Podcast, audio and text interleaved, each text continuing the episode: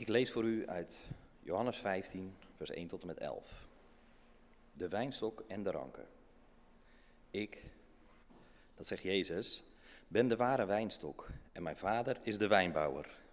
Iedere rank aan mij die geen vrucht draagt, snijdt hij weg.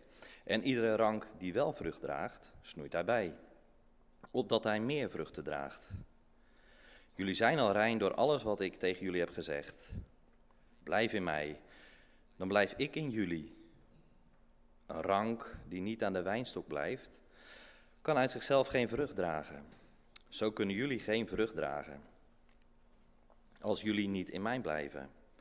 Ik ben de wijnstok en jullie zijn de ranken. Als iemand in mij blijft en ik in hem, zal hij veel vrucht dragen. Maar zonder mij kun je niets doen. Wie niet in mij blijft, wordt weggegooid als een wijnrank en verdord. Hij wordt met andere ranken verzameld, in het vuur gegooid en verbrand. Als jullie in mij blijven en mijn woorden in jullie, kun je vragen wat je wilt en het zal gebeuren.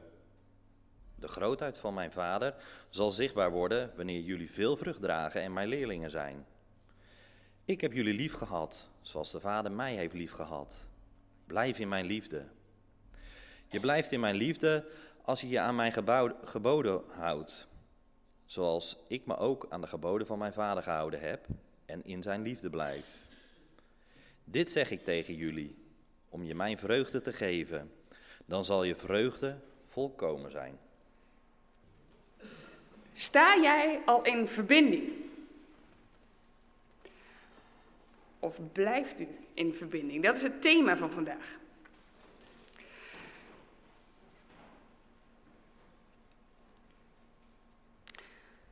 Het was een thema waar ik weer bij bepaald werd, ook nu het vakantietijd is.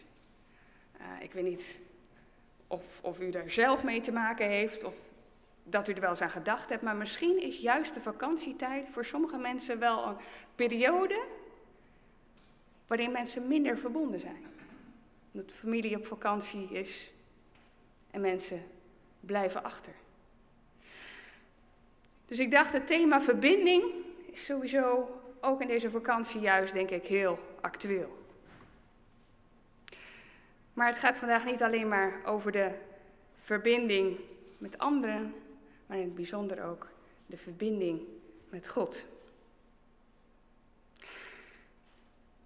En ik wil u om te beginnen een krantenartikel lezen, wat eigenlijk al van een, een tweetal jaar geleden is, maar het is volgens mij nog ontzettend actueel en volgens mij is het, zoals het krantenartikel herschreven zou worden, nu nog heftiger. Wat ik bedoel is,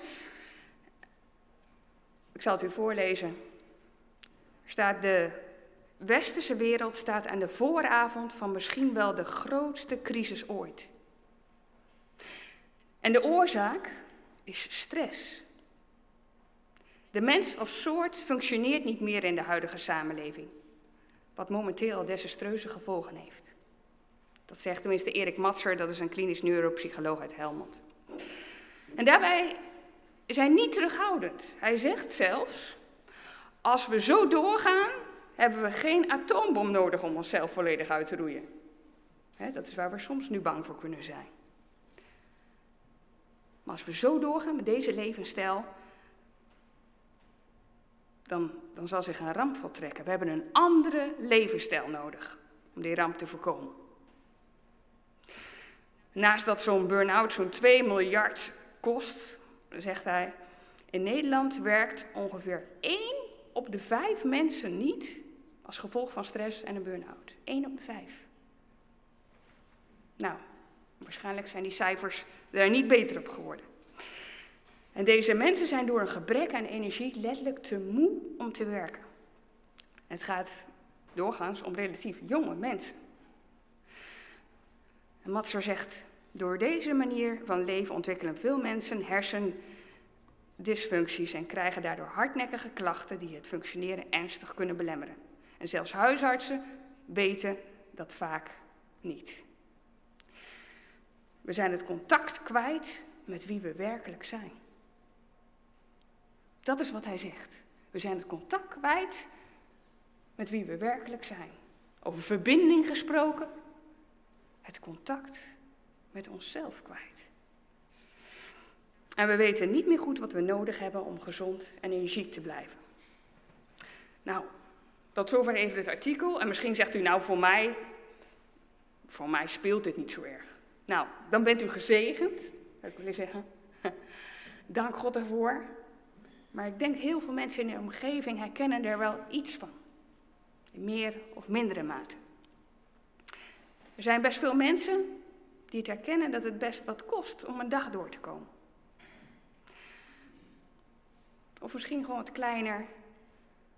Dat u merkt dat er een soort naar beneden drukkende krachten zijn, waardoor, je, ja, het, waardoor het lijkt alsof je eigenlijk niet zo heel veel verder komt. Het leven gaat zo op en neer. Dan denk je, oh, nou gaat het goed. En dan, hè, word je weer naar beneden geduwd.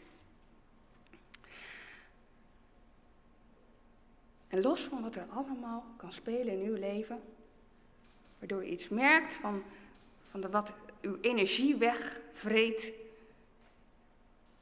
is daar dan het geloof. Maar, ik ben nu heel voorzichtig, het kan zijn dat het geloof ook helpt voor u om, om, om naar beneden te trekken. En wat bedoel ik dan? U kan het gevoel krijgen dat u van God, van Jezus of door de Bijbel zoveel moet. Dat we moeten groeien. We moeten vruchten voortbrengen. En dat kan. Dat kan op je drukken. Het kan zelfs zijn dat, het, dat, het, dat de Bijbel meer klinkt als een waarschuwing. we moeten goed groeien qua vruchten, want anders, als we niet meer op Jezus gaan lijken.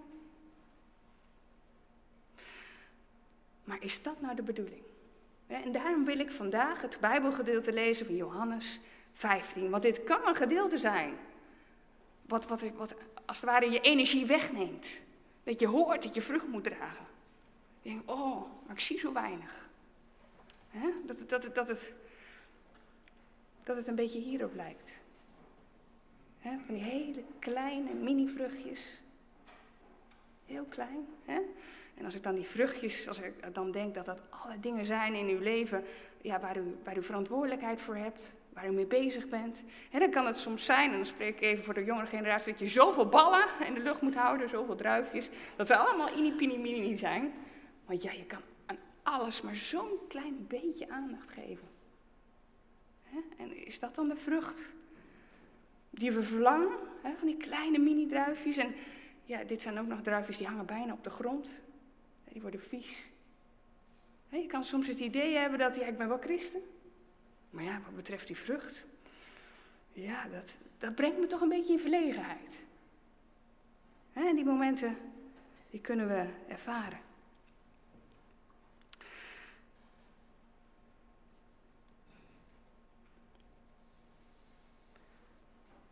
En nu is het niet zo dat de mensen in de Bijbel ehm, daar denk ik helemaal niks van herkennen. Van die vruchten, waar blijven die nou? Ik denk dat we vaak meer bezig zijn met de pijn van het leven en alle moeite die het, die het met zich meebrengt, dan dat we nou zoveel vruchten zien. Want als we kijken naar de, de gemeente waar, waar ja, die Johannes ook in zijn hoofd had, toen hij dit, dit gedeelte schreef, hè, wat hij met Jezus mee had gemaakt, toen schreef hij naar een gemeente die denk ik ook nou ja, het lastig vond om die vruchten altijd te zien want als ik nou kijk naar het middelste plaatje, dan uh, zeggen ze in de gemeente ook gewoon verdeeldheid. Mensen die het niet met elkaar eens waren. en die dat niet op een aardige manier altijd communiceerden, maar waar het, ja, waar het ook gewoon wel eens ruzie was. Waar verschil van mening was, wat ja, op, een, op een moeilijke manier uh, te communiceren viel door de mensen dus dat, je, dat, deze gemeente ook, ook soms ja, misschien meer zag de verdeeldheid dan de vrucht. en waar deze gemeente ook last van had, en dan kijk even naar het derde plaatje, was dat, dat, ja, dat anderen hem beschuldigen. christenen, niet-christenen. van jij doet dat niet goed. En misschien herken je dat op je werk. en als je dat hoort, dat je het niet goed doet, ja, voor je het weet trek je het jezelf aan. En dan denk je, oh ja, hoe zit het dan met mijn vrucht? Want ik doe het juist helemaal niet goed. Die mensen in die gemeente kregen ook allerlei beschuldigingen naar hun hoofd geslingerd. En dan het eerste plaatje, dat herkennen die mensen ook in de gemeente. Dat je het gewoon soms even helemaal niet ziet zitten. En we hebben allemaal denk ik die momenten. En dan klinken die woorden van, ik ben de ware wijnstok en jullie zijn de ranken. Dus wat nu, wat is dit voor troost? Als we meer de pijn voelen van het leven dan de vrucht zien schitteren.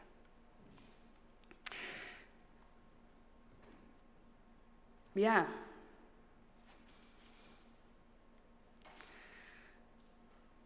En dan, uh, dan hebben we een gedeelte gelezen.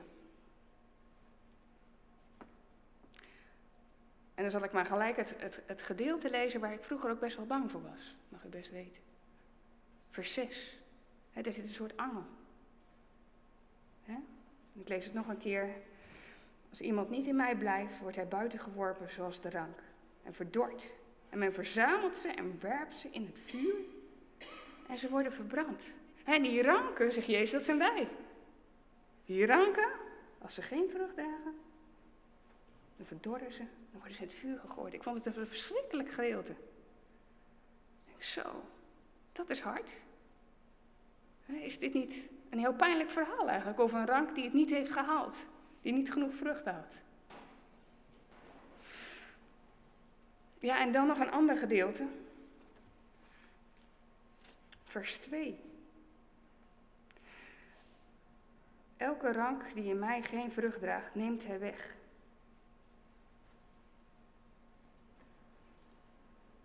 Snijdt hij weg, zegt de NBV. Ja, en we hebben net gezien bij de kinderen, een rank die wordt weggesneden, dat is een hopeloze zaak. Daar komt geen leven meer in.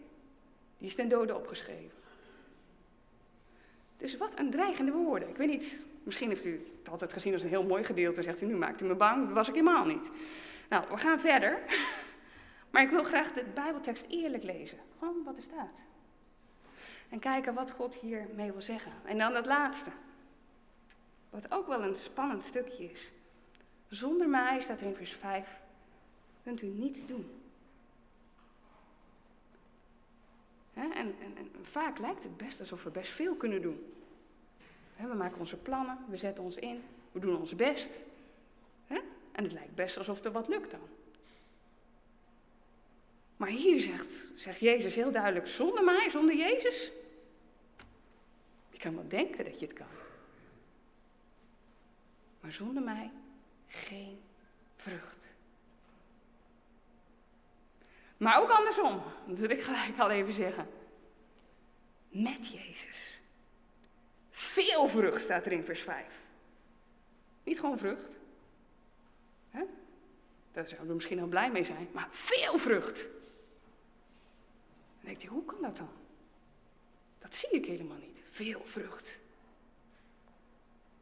Het is een belofte van Jezus hier. Dus we hoeven niet de, de woorden van Jezus te veranderen. We mogen daar vasthouden. Veel vrucht. Wij zien het misschien niet. Maar God ziet het wel. Maar goed, even terug naar die versen. Over het weggooien en het afsnijden. Want het lijkt toch wel een heel pijnlijk verhaal.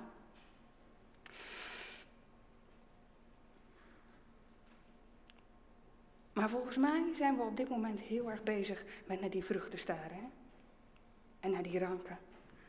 Maar dit verhaal, dat is het goede nieuws, gaat niet over de ranken. U zegt niet over de ranken, hè? het gaat allemaal over uh, dat ze vrucht moeten dragen. Nee, ze spelen niet de hoofdrol. Dit verhaal gaat over de landman. En hoe goed hij zorgt voor de wijnstok en voor de raken En dat er vruchten komen. Dus God is in dit gedeelte, speelt de hoofdrol. Je zou kunnen zeggen ook Jezus, want blijf in hem, staat er elke keer. Blijf in hem. Maar goed, als het dan gaat over een goede wijnboer, goede landman, dan betekent dat nog niet dat er geen pijn is. Want je zou kunnen zeggen, het verhaal over de rank en de wijnboer begint met een wijnboer die iets heel pijnlijks heeft gedaan. Het is namelijk zo dat er eerst een, een, een wond zit, zou je kunnen zeggen, in de wijnstok. Er is een stuk afgesneden. En dan denk ik, als er pijn is, en ik denk aan het hout, hier dan, het hout van een wijnstok. En ik denk eraan dat, dat, dat Jezus de ware wijnstok is. Dan denk ik, er waren eerst wonden. Er waren eerst wonden voordat u en jij gered konden worden. Er waren zijn wonden eerst. En hij snijdt ook nog schuin, zodat de wond zo groot mogelijk is, zodat er groot mogelijke oppervlakte is. En wat doet hij dan? Ja. Het is volbracht, schreeuwt Jezus. Met wonden in zijn handen en in zijn voeten. Wat doet hij dan? Hij pakt ons de ranken. Niet één ranken, maar allemaal ranken. En hij drukt ons tegen die wond aan. Hij endt ons in de wijnstok. En de sappen, die levenssappen van Jezus, die stromen naar ons. We worden van dood een levende rank. Dus het begint met een wond, heel pijnlijk. Maar dat brengt ons leven. Daar begint ons verhaal. Maar dat we levend worden.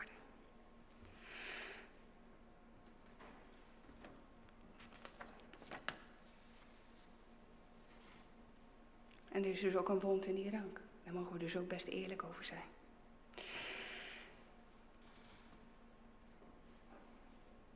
En dan willen wij graag vruchten daarna, toch? Door Jezus, door zijn volbrachte werk, verlangen wij naar vruchten. Dat is ook een goed verlangen. Maar dan gaat het hier over een wijnstok. Dan neemt Jezus het voorbeeld van een wijnstok. Dan denk je, had hij dan niet een ander voorbeeld kunnen nemen? Want bij een wijnstok duurt het zeker drie jaar voordat die geënte rank vrucht gaat dragen.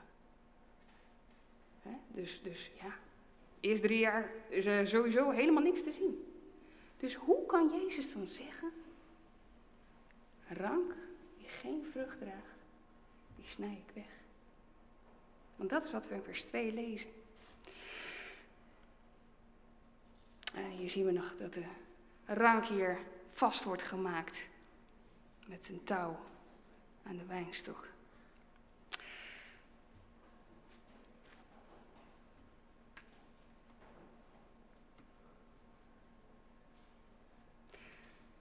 Nou, ik wil u eerst even laten zien dat er een verschil is tussen vers 2 en vers 6. De ene wordt weggesneden, die andere wordt weggegooid. Want als, we, als u zelf het gedeelte zou gaan lezen en u zou gaan turven, wat komt er nou het vaakst voor, welk stukje, wat is nu het belangrijkste, dan zie je elke keer weer, blijf in mij. Blijf in Jezus dat is een soort refrein wat steeds weer terugkomt. Dus je zou kunnen zeggen, van alles wat we horen, mogen één ding onthouden vandaag. Blijf in Jezus Christus.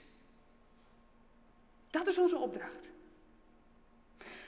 En onze opdracht is niet, zorg dat u veel vrucht draagt. Maar blijf in Jezus. Zorg dat die verbinding er is. Of dat u in verbinding blijft met de Heer Jezus. Dat is uw opdracht. En er is ook de belofte in vers 5. Wie in mij blijft, zal veel vrucht dragen.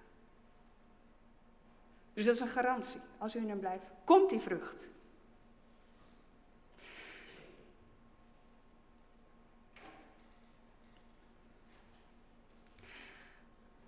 Maar soms niet zonder pijn. Er wordt ook gesnoeid. En u, zag het bij die kinderen voor die druiven was niet zo heel goed gezorgd, moet ik eerlijk zeggen. Ik ben te druk. Maar het mooie is dat die wijnboer wel goed voor u en voor jou zorgt. En daarom snoeit hij. Want hij wil meer vrucht. Hij zou voor die vrucht zorgen, weet u nog? Dus hij snoeit, hij haalt die bladeren weg. En ik heb me laten vertellen, want ik ben niet echt een, een, een expert op het gebied van wijnstokken en ranken, maar ik heb me laten vertellen dat hij zelfs nog zo'n tros pakt, hè, met al die kleine druifjes, dat hij dan die kleintjes, de allerkleinste eruit haalt. Hè, dat hij zo met u bezig is, trosje voor trosje, en dat hij die kleintjes eruit haalt, zodat die grote meer ja, voedingsstoffen kunnen krijgen, meer zonlicht. Die grote nog voller worden, er meer vruchten komen. Dus hij zorgt voor de vrucht. Alleen wij moeten zorgen om in hem te blijven.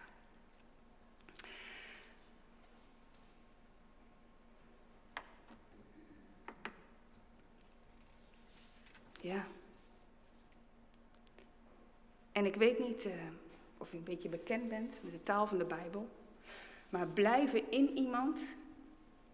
Als we nog nooit de Bijbel hebben gelezen, dan hebben we er allerlei gedachten bij waar het op dit moment niet over gaat.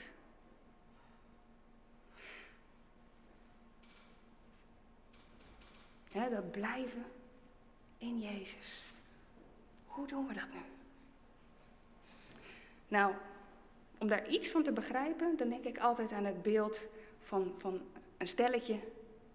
dan zeggen we wel eens, ze gaan in elkaar op. Daar gebruik ik ook het woord in. Dat betekent niet dat ze in elkaar zitten of zo. Maar dat betekent dat ze zo één zijn. Ja, de liefde verbindt, zou je kunnen zeggen. Nou, en dat zou je kunnen zeggen is de verbinding tussen Jezus en ons. Allereerst de liefde van Hem. Die gaat altijd voorop.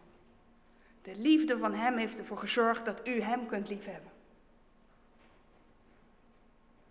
Maar als de oproep klinkt, blijf in Hem, dan gaat dat over die liefde van u voor hem. Hè? En hoe, hoe, dat is niet iets wat ik bedenk, maar het is bijna alsof Jezus onze gedachten kan raden. Want er staat elke keer blijf in hem, blijf in hem. Nou, dan, dan ben ik nieuwsgierig. Wat betekent dat dan? En dan lezen we verder. even verder. Terug. Na dat refrein, wat in vers 8 dus de hele klinkt, blijf in mij, zien we ineens het refrein, blijf in mijn liefde. dus kennelijk is dat een verdere uitleg van wat het betekent om in hem te blijven. En dan blijft het misschien nog abstract. Dat, is dat u zegt, ja, hoe blijf ik nou 24-7? Hoe blijf ik nou de hele week in de liefde van Jezus? Want ik kan toch niet de hele week met een bijbeltje op mijn schoot gaan zitten en denken over wat Jezus Christus gedaan heeft voor mij want dat is een manier natuurlijk waarop u zijn liefde wel, ja, als het ware steeds weer kunt indrinken door dat woord. Het woord van God is wel heel belangrijk, zou ik bijna zeggen, om in hem te kunnen blijven. Net als met, met iemand die, ja, als je veel van iemand houdt, hoe blijf je in iemands liefde? door eraan te denken wat hij allemaal doet voor jou. Niet om, door eraan te denken wat hij allemaal fout doet. dan gaat de liefde die gaat snel weg. Als je denkt, wat doet die ander voor mij? En je probeert tekenen van de anders liefde te ontdekken, dan kan die liefde bij jezelf ook weer terugkomen. En zo mogen we door de week heen nadenken over wat hij doet. En dat weten we door zijn woord. Er zijn zoveel beloftes, zoveel woorden van Jezus die, die ja, als we ze lezen, dan wil God daarmee aan de gang gaan, wil geloof wekken. En liefde, waardoor we verbonden blijven. En dan even heel concreet, om een paar voorbeelden te noemen. Hoe dat ook in uw dagelijks leven zou, zou kunnen werken. Eerst nog een voorbeeld hiervoor in de kerk. We kunnen hier aan het zingen zijn. misschien, misschien bent u er wel zo aan gewend dat u bijna automatisch meezingt. dat, dat, ja, u zingt de woorden wel mee, maar de bijzonderheid van het zingen, op dat moment dringt dat even niet tot u door. En als we dan kijken wat God daarover doet, eh, over zegt, wat Hij aan het doen is, dat Hij op onze lofzangen zijn troon bouwt. Als wij het zingen zijn, dan bouwt hij zijn troon en dat, ja, dan, dan wil hij daarop gaan zitten. Dat, dat. Ja, God is dan zo groots bezig door onze kleine dingen, zou je kunnen zeggen. En, en, en dan te bedenken wat hij allemaal doet op dit moment. Als we zijn woorden horen, hoe zijn geest aan het werk is. Om ervoor te zorgen dat die woorden niet zomaar terugkomen, maar zeker gaan doen waarvoor God ze bestemd heeft. En, en een mooi voorbeeld vind ik altijd. Ik vind het altijd moeilijk om s'avonds naar bed te gaan. Want ik denk, slapen, ja, dat is zo zinloos, zo nutteloos. Daar, krijg je niks door. Daar, daar, ja, het is nu helemaal nodig, maar, maar dan, als ik kijk naar mijn takenlijst, dan denk ik, het levert zo weinig op als ik slaap. Dan kom ik zo, verder, zo weinig verder op die lange lijst. Maar als we dan bedenken, wat is Gods liefde in de slaap? Wat is Hij aan het doen? Dan mogen we lezen in vers 4 dat Hij het zijn geliefde in de slaap geeft. Dus Hij is heel hard aan het werk als u slaapt. Misschien kan hij dan soms nog wel harder werken dan als u wakker bent. Ja, maar wat een liefde van Hem, dat Hij alles geeft wat we nodig hebben op het moment dat we slapen. Terwijl we eigenlijk omgedraaid denken. Ik moest er aan een voorbeeld denken. Ik ben uh, moeder van zes kinderen. Dus ik ben veel bezig met kinderen. En soms heb ik wel eens zin om wat anders te doen. Want altijd maar met kinderen bezig zijn.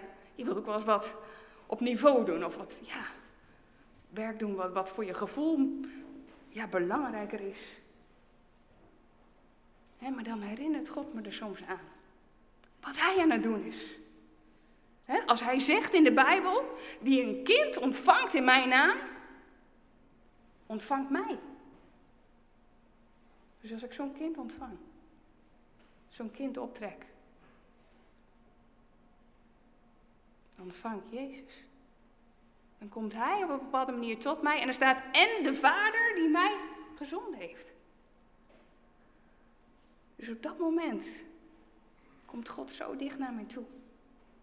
En ben ik niet alleen met die kinderen bezig, maar is God er zo ja, duidelijk aanwezig, zou je bijna kunnen zeggen. En present in dat kind. En hoe? Dat weet ik niet. Ik kan het niet zien. Maar het is wel zijn liefde. Dat hij door alles heen wil werken, want hij heeft zoveel beloftes gegeven voor elke situatie. nog een laatste voorbeeld. Misschien vindt u het wel lastig om aan uw buren te vertellen dat u gelooft, van uw collega's of mensen om u heen. Misschien is het voor u wel iets zwaars wat op u drukt. Van, ja, ik, ik zou eigenlijk wel dat wat ik geloof door willen geven, maar hoe? Dan mag u erover nadenken wat God aan het doen is. Dat God met die Heilige Geest al lang en heel veel mensen aanwezig bezig is. Maar dan mag u er ook aan denken wat God aan het doen is in u.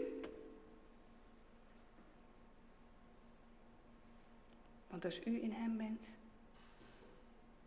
Hij is in u. En wat betekent het nou dat Hij in u is? Zijn leven, het leven van Jezus, zijn kracht, en de kracht die liet zelfs mensen uit de dood opstaan, zijn geest is in u en werkt in u. God zit niet stil binnen u. Nee. En dat mag u enerzijds leiden tot gebed. dat u bidt om, om ja, die bewogenheid van Jezus Christus voor die anderen. Maar aan de andere kant mag u ook uitstappen. U mag het ook proberen te vertellen. Of uitleven. En geloof dat die zo'n, ja, dat het niet zo heel bijzonder is wat u doet, maar dat er zo'n kracht van u, uh, kracht van Jezus, doorheen werkt. Zijn levenssappen door uw handelen heen werken. Dat niets onmogelijk is. zonder hem kunt u niks doen. Dan wordt het ook niks maar met Hem. En dat mag u in elke situatie zeggen. Met Hem is alles mogelijk. Ja, dan toch even snel die versen nog. Geef me de tijd gaat snel, dat weet ik. Maar ik wil u niet zonder uitleg van dit vers naar huis sturen. dit was dat vers wat veel mensen aangrijpen als ja. Misschien, misschien hoor ik wel bij deze categorie, dus waar doe ik mijn best aan voor? Want het is toch niet genoeg. Hè, dan staat er iedere rank aan mij. Aan mij, en let op, dat is het verschil met vers 6. In mij, zou je kunnen zeggen. Die rank die echt verbonden is. Waar God van heeft beloofd dat er vruchten komen. Ze zijn er misschien niet, of niet zichtbaar. Die snijdt hij weg. Nou, op u overkomt. Maar het kwam mij vrij ongelooflijk op mij over. Is dit echt waar? en ik, ik, wil gewoon heel eerlijk de Bijbel lezen. ik, ik, wil niet dat je je Bijbel verandert naar hoe je graag zou willen dat God spreekt. want die neiging kunnen we soms ook hebben. Dat je het een beetje draait nou dan, dan, dan, die Jezus, daar kunnen we wel wat mee. Ik heb heel eerlijk gekeken naar de grondtekst. En wat ik nu ga zeggen is misschien een beetje, een beetje apart. Maar ik denk dat, het, dat in dit gedeelte het woord voor wegsnijden niet goed is vertaald. En ik zeg het heel voorzichtig, want het is, het is door heel veel mensen wel zo vertaald. Wegsnijden. maar er zijn ook anderen die het niet vertalen met wegsnijden. En daarom weet ik ook, dit is niet alleen mijn ideetje. maar dat, dat heeft te maken met hoe vertaal je het woord uit de grondtekst. En ik wil ja, even wat, wat, wat vertalingen geven van het woord idol, wat dat wegsnijden is. Hè? als u niet vruchtdraagt, wordt weggesneden. Nou, dat laatste, hè, die nummer vier, dat is hier dus eigenlijk gewoon vertaald. Weghalen. Wegsnijden. Weg. Maar waarom moeten we per se deze, deze vertaling kiezen? er, zijn, er, zijn, meer vertalingen van het woord aero, want dat is het Griekse woord wat er staat. En als ik dan, dan kijk naar, naar het eerste woord wat er staat, dan, zie ik oppakken, optillen. Dat is een heel ander woord, toch?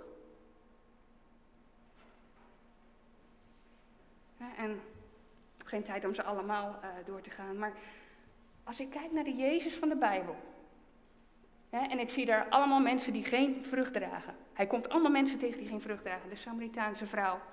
er was een kind, was, was, was uh, overleden. er was een vrouw die droeg geen vrucht, want die, die, die keek de hele tijd alleen maar naar de grond. En wat doet Jezus? Wegsnijden, weg ermee? Geen vrucht? Ik ga wel iemand anders? volgens mij zocht Jezus zelfs de mensen op die weinig vrucht droegen. En wat deed hij? Hij pakte ze op, hij tilde ze op. die vrouw die met het gezicht naar beneden liep, die alleen maar keek naar haar omstandigheden, alleen maar keek hoe slecht het ging, zou je kunnen zeggen. Hij, hij ja, tilde als het ware het gezicht weer op, zodat ze de hemel weer kon zien. En hij genas haar. En zo, zo pakte die dochtertje van je Iris op. Nam haar bij de hand. En zo ging hij naar de Samaritaanse vrouw. En, en eerst, ja, door alle schaamte van de, hoe ze zich schaamde, door alle mensen keek ze waarschijnlijk naar de grond. Maar hij tilt daarop, zou je kunnen zeggen. Hij tilt u op. Als u denkt, nou die vrucht, hè, en hoe het nu met me gaat, dan komt hij naar u toe vanochtend. En hij tilt u op. En wat doet hij? En dat is ook wat een wijnboer doet. Want ik geloof dat dit ook de goede vertaling is, omdat ja, een wijnboer, als hij alle takken af gaat snijden die geen vrucht voordragen, houdt hij weinig over. maar wat doet zo'n wijnboer? Dat heb ik me laten vertellen, is dat ja, zo'n zo wijnrang die geen vrucht draagt, die ligt dan op de grond en is vies geworden. En die pakt, die teelt hij op. En die doet hij door een, door een bak met water, hè, dat hij schoon wordt. En dan bindt hij hem op. Dan bindt hij hem op, die rank. U en jou. Zodat we weer vrucht gaan dragen. Want hij garandeert dat als we verbonden zijn, hè, niet als we, die connectie er niet is, als we verbonden zijn door geloof in Jezus, dan tilt hij ons op. En endt hij ons weer. We waren al geënt, dan, dan, dan maakt hij ons weer vast dat latwerk, zodat we weer vrucht gaan dragen. Dus ik ben niet de enige, maar ik geloof dat de vertaling moet zijn. Iedere rank aan mij die geen vrucht draagt, die tilt hij op.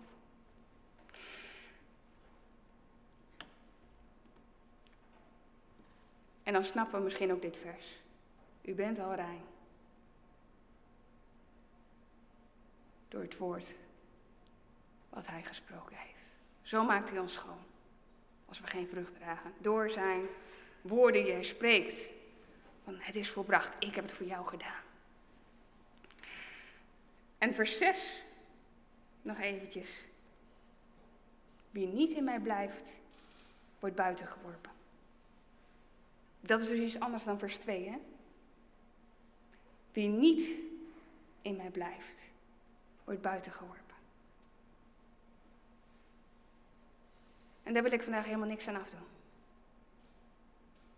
Ik vind het wel een heel heftig, een heftige uitspraak van Jezus. maar ik, ik geloof dat hij vandaag liefdevol bedoeld is.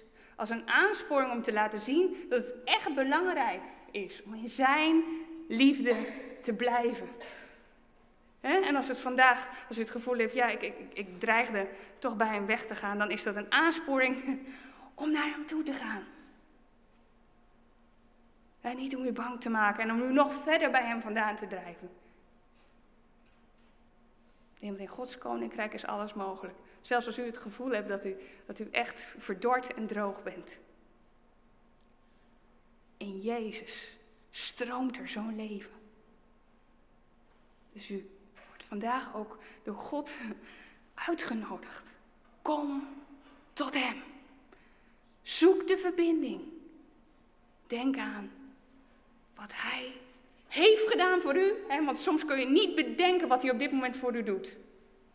Dan, dan, dan ziet u het allemaal niet meer, dan ziet u de zegeningen niet meer.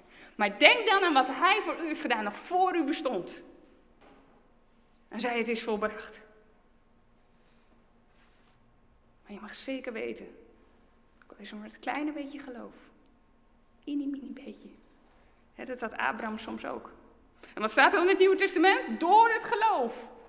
Dat zoveel geloof lijkt het dan. Nee. Door dat kleine beetje geloof mogen we er zeker van zijn, er komt veel vrucht.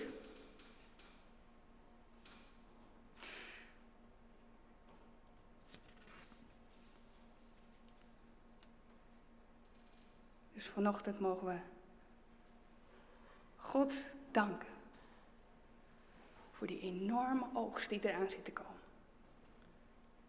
En misschien ziet u het nu helemaal niet in uw leven. Maar Jezus zegt, u bent rein. Zo zie ik u. Zo kijkt God naar u. Hij ziet u als een rank die ingeënt is. Met zo ontzettend veel druiven. Dat is hoe hij naar u kijkt. En wij mogen onszelf ook zo zien. door Jezus de oogst verzekerd is. Amen.